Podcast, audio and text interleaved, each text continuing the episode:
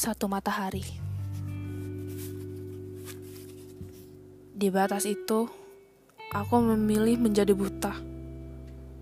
Kenapa? Tanyamu. Setahun yang lalu, aku telah melihat sesuatu yang tak seharusnya kulihat. Mereka bilang matahari. Mataku menangkap dia. Tubuhku seketika mengerang oleh cahaya yang terlalu terang dan terlalu gelap. Lalu dia bergantian mendenyutkan ingin yang akut. Seperti desah dalam lipatan daging, terang, gelap, terang, gelap. Cadar ini terlalu tipis untuk menyembunyikan rasa.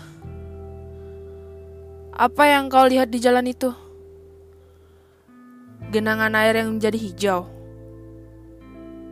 Merah, kataku. Hujan merah.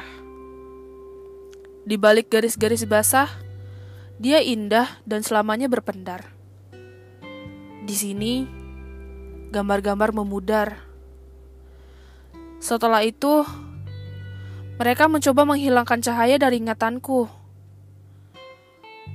Tapi aku masih bisa merasakan panasnya. Kata mereka, cuma ada satu matahari. Kataku, itu milikku.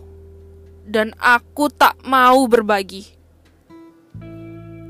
Di batas itu, aku memilih menjadi buta. Kenapa? Tanyamu. Entahlah. Mungkin cinta memang begitu.